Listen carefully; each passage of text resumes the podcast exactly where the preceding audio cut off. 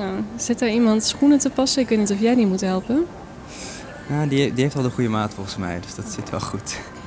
Best een bijzonder pand eigenlijk, toch? Ik ben er wel aan gewend, ik zie het niet meer zo. En heel veel klanten die geven er ook complimenten over. Dat ze vinden dat het zo mooi eh, eruit ziet. Maar veel mensen die staan toch even te kijken naar de binnenmuren en zo. eh. Nee, dankjewel. Alsjeblieft. Gebeurt er natuurlijk van alles in dit gebouw. Het is, hè, eh, even denken hoor, een, een bibliotheek, blijkbaar dus ook een bioscoop. Ja, een bioscoopzaal hebben ze ook. Ja. Is het ook theaterzaal eigenlijk? Ze hebben ook een theaterzaal. Ja. Ze hebben een heleboel, een heleboel ruimtes. Ja, en er zitten dus ook zelfs winkels in. Aan de achterkant van het gebouw Aan de inderdaad. achterkant zit de grote boekhandel Broeze.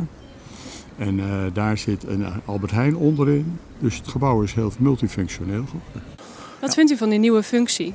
Uitstekend. Ja, ja, ik maak er soms gebruik van.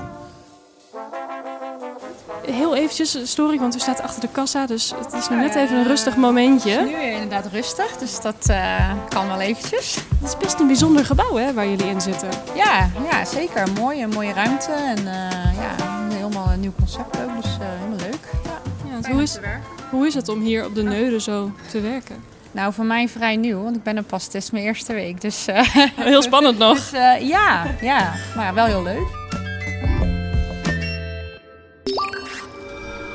Fijn hè? Zo'n plek waar alles samenkomt, midden in het centrum. Zo was het vroeger ook al. Toen ik hier als juffrouw van de telefoon de rode en de zwarte stekkers inplugde om mensen met elkaar te laten bellen. Een plek van verbinding. Maar dan anders. Dit is Ik Verbind U Door, de podcast vol verhalen uit Post Utrecht. Iedere Utrechter en heel veel Nederlanders kennen het iconische gebouw in het centrum van de stad. Het oude postkantoor. Je hoort in deze podcast de meest bijzondere verhalen uit zijn geschiedenis. In deze laatste aflevering het belang van poep, van kloosternonnen. En verhalen over stiekeme feestjes in de hal. Snel terug naar Joke, uw telefoniste.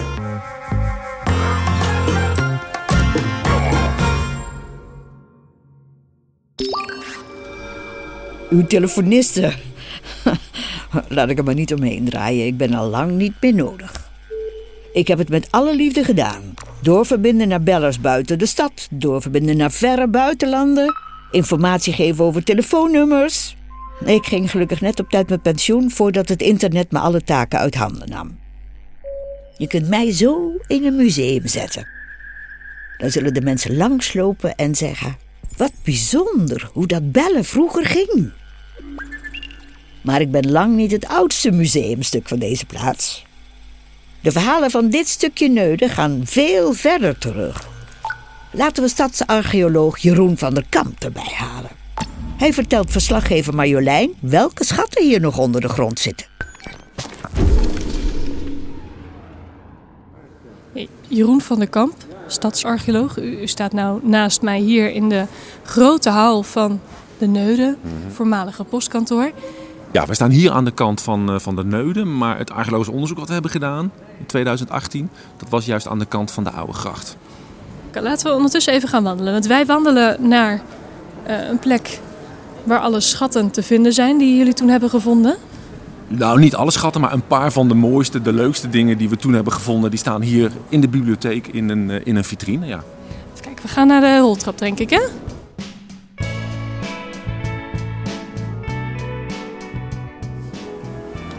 Het voormalige postkantoor is herbestemd. Er zit een bibliotheek in, maar er zitten ook winkels in.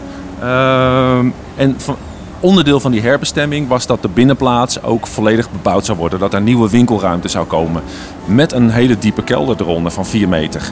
Ja, en als ze dan 4 meter diep gaan graven, dan willen we natuurlijk eerst kijken wat er in de grond zit. En of dat archeologisch interessant is. Zeker ook hier eh, op, de, op de binnenplaats van het postkantoor.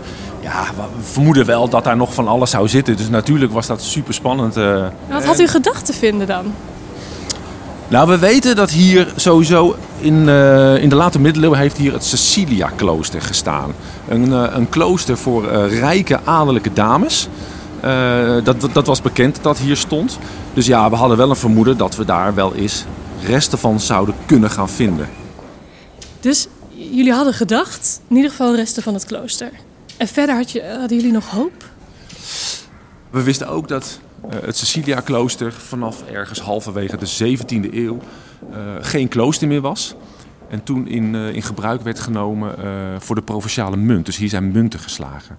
Dus ook daarvan hadden we zoiets, ja, hopelijk gaan we daar nog restanten van vinden. Heeft u daar eerder al wel eens restanten van gevonden, van dat soort van oude munten?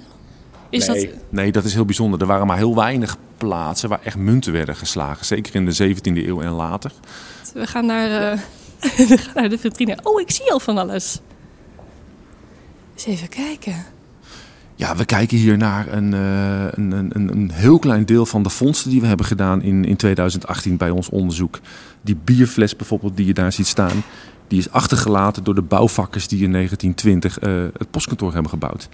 Um, hij zit onder het cement. Dus je kan is een beetje versteend inderdaad. Ja, dus hij is gewoon door die bouwvakkers uh, in, in de grond gestopt. En, en toevallig is hij op een, uh, op een plek terechtgekomen waar nog nat cement lag.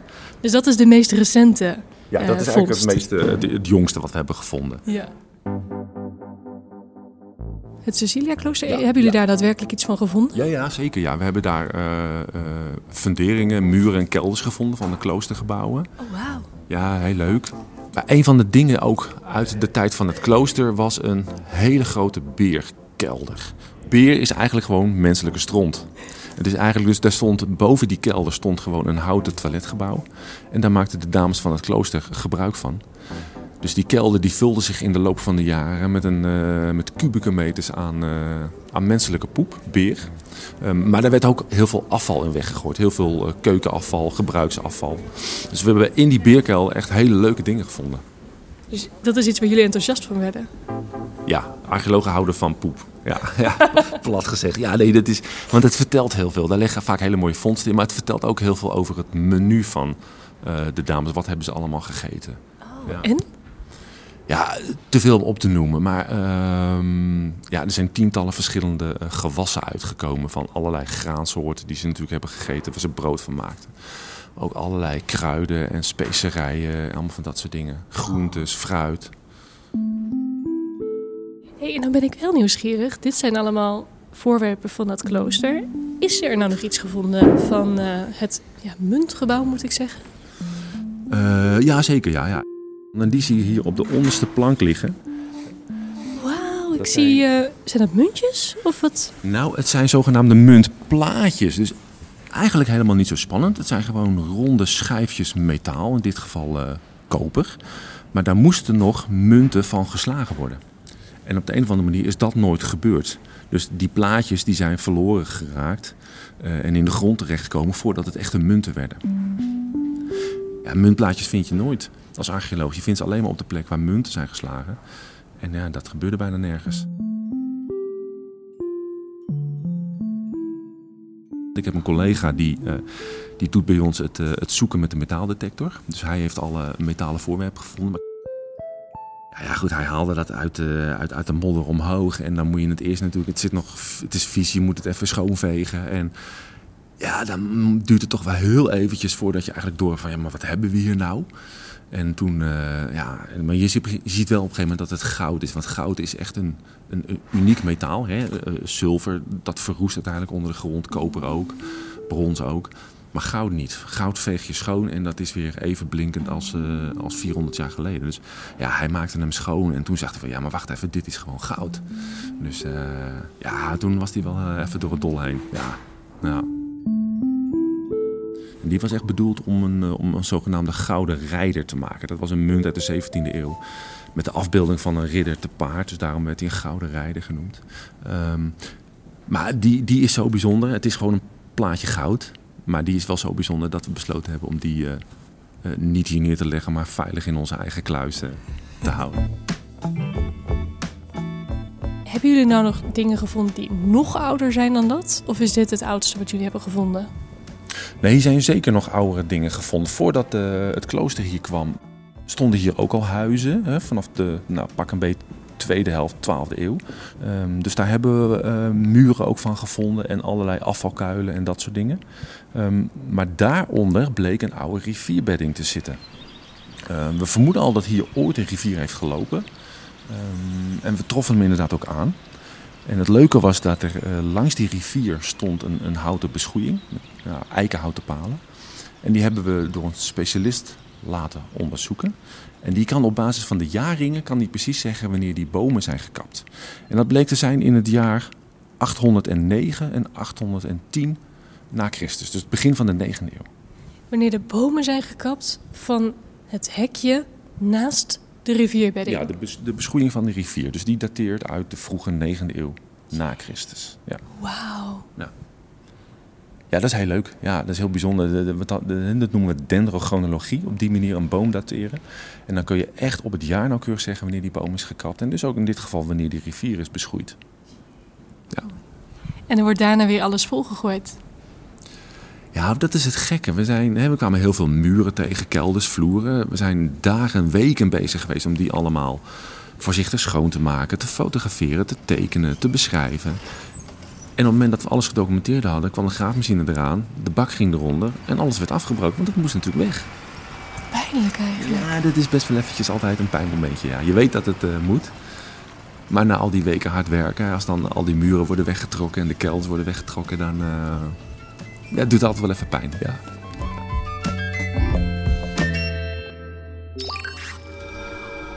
Ha, iets om over na te denken als je in postneude boodschappen doet bij de Albert Heijn. Diep in de grond zitten nog de brokstukken van een klooster. Genoeg teruggeblikt, vooruit moeten we.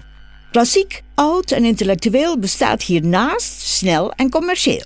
Een beetje zoals dat kunstwerk van Maarten Baas dat hier buiten aan de gevel is gehangen. Als je goed kijkt, zie je daar een roze neonletters nu.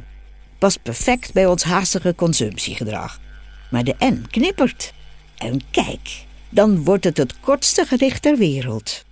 U, nu. In 1620 geschreven de Vondel. Mooi hè? Goed, niet afdwalen. Nadat het postkantoor in 2011 definitief gesloten was, kwam Thijs Verheul erin als antikraker. Ik verbind je voor de allerlaatste keer door met Marjolein. Een eh, vriend van mij, Marijn, die eh, werkte voor Camelot vastgoedbeheer. En die deden in de binnenstad van Utrecht eh, ja, de verhuur van leegstaande panden om anti-kraak kantoorruimtes aan te bieden, zodat het niet gekraakt werd. En ja, ergens kerst 2014, volgens mij, zei hij: Hey Thijs, wij gaan ja, binnenkort mensen plaatsen in dat pand. Wil je vast even komen kijken? Kun je misschien de mooiste ruimte uitkiezen? Toen kwam ik daar en toen lag overal eh 5 centimeter stof op. Het was helemaal leeg en verlaten. Toen zag ik een prachtige ruimte. En toen zijn we binnen een week eh, verhuisd. En was dat ons nieuwe stadspaleisje. voor, voor 300 euro in de maand volgens mij of zo. Ik ben Thijs Verhul, 31, eh, ondernemer. Ik heb eh, op de Wageningen Universiteit eh, gestudeerd. En daar kwam ik Jules tegen. Die had drie zusjes, die hadden veel te veel kleding. Toen hebben we United Wardrobe eh, gebouwd in 2014. En dat is toen uitgegroeid eh, tot het grootste tweedehands kledingplatform van de Benelux. Een internetbedrijf. En in eh, 2020 eh, hadden we dat eh, verkocht aan Vinted. We hadden toen 4,5 miljoen mensen die het gebruikten. En eh, ja, verkochten echt miljoenen per maand aan kleding. We waren dan ja, eigenlijk exact hetzelfde als Vinted, maar dan eh, de Nederlandse versie. We like to party every day, party, party. 2015, dus zes jaar geleden, toen was ik 25.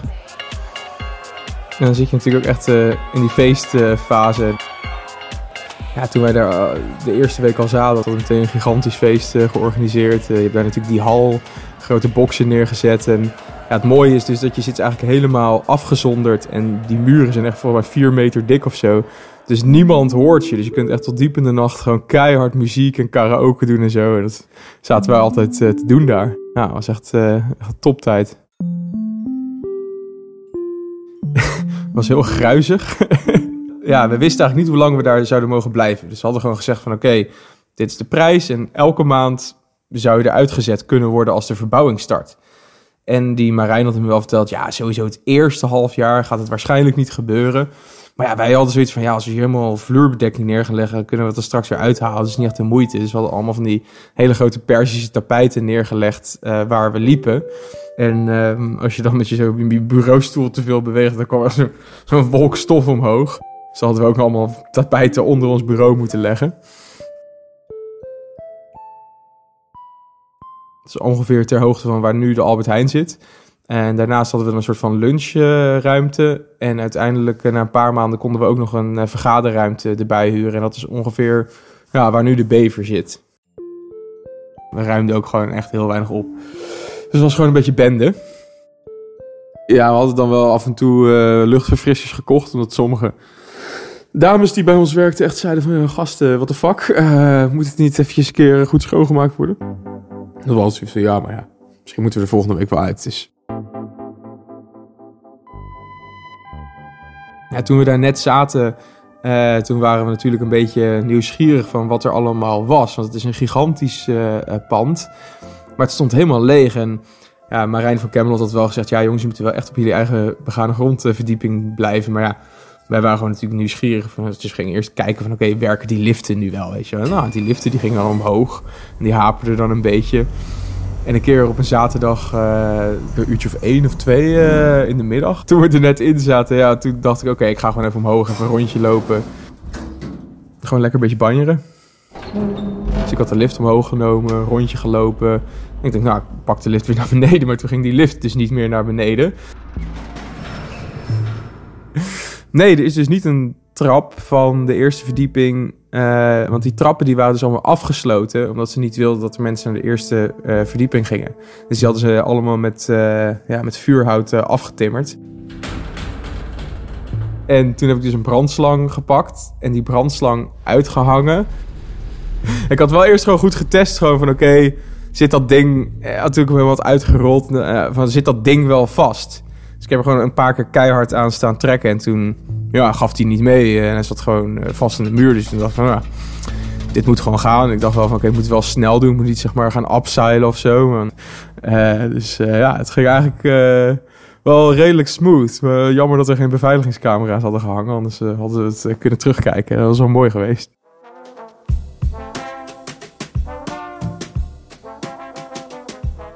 Op een vrijdagmiddagborrel, uh, toen we ook een beetje op, uh, op boevenpad waren, dachten we van oké, we gaan eventjes kijken wat daar allemaal boven ons kantoor nu zit. Um, en naast ons kantoor zat de ING-pinautomaat. En die hebben allemaal van die speciale sensors en die staan in contact met de politie. Dus als daar een plofkraak is, dat zeg maar meteen de politie daarvan weet. En maar wij dachten eigenlijk dat er nog een muur zat tussen waar die dingen zaten en waar ons kantoor was, zeg maar daarboven, maar die zat er niet. Dus we liepen daarboven overheen en toen gingen die sensoren dus af. Binnen vijf minuten stonden er vier paarden, drie politieauto's, twee motoragenten. Die stonden allemaal voor het postkantoor. Die klommen al over het hek en die renden naar binnen. En toen moesten we allemaal uh, onze identiteit laten zien. En toen hebben ze ons op een briefje uh, geschreven dat als het nog een keer uh, zou gebeuren, dat we dan een dikke boete zouden krijgen. Ja, we hadden wel een paar biertjes op, dus het was eigenlijk altijd nou, een heel mooi verhaal.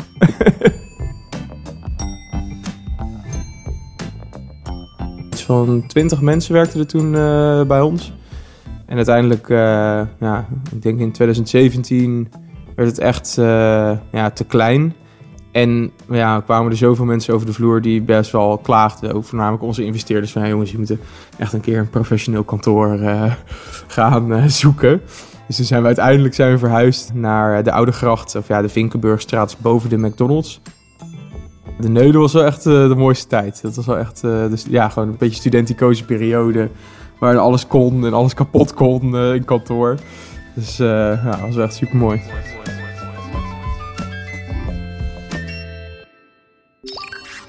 Aandoenlijk, die jonge honden. Voor hen was dit gebouw een speeltuin. Een statig decor voor hun torenhoge ambities. Daarna was er gesteggel over wat er met het pand gebeuren moest. Kantoren, een hotel? Gelukkig ging dat allemaal niet door. Het gebouw is weer teruggegeven aan de Utrechters. Van tempel voor de post naar huiskamer voor de stad.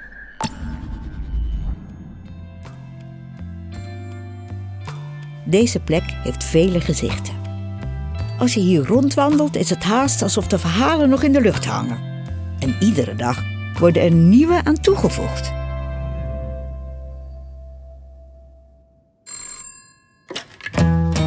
Dit was voorlopig de laatste aflevering van Ik Verbind U Door, een podcast van ontwikkelaar MRP. Mede mogelijk gemaakt door de gemeente Utrecht en Vrije Band Vastgoed. Met dank aan de ondersteuning van de Bibliotheek Utrecht en Rijnboud Architecten. Gemaakt door Aldus Producties. Muziek van Bram Kniest. Reportages door Marjolein Knol. Tekst en research Katrien Spijkerman. En de rol van Joke wordt vertolkt door Marlies Hameling.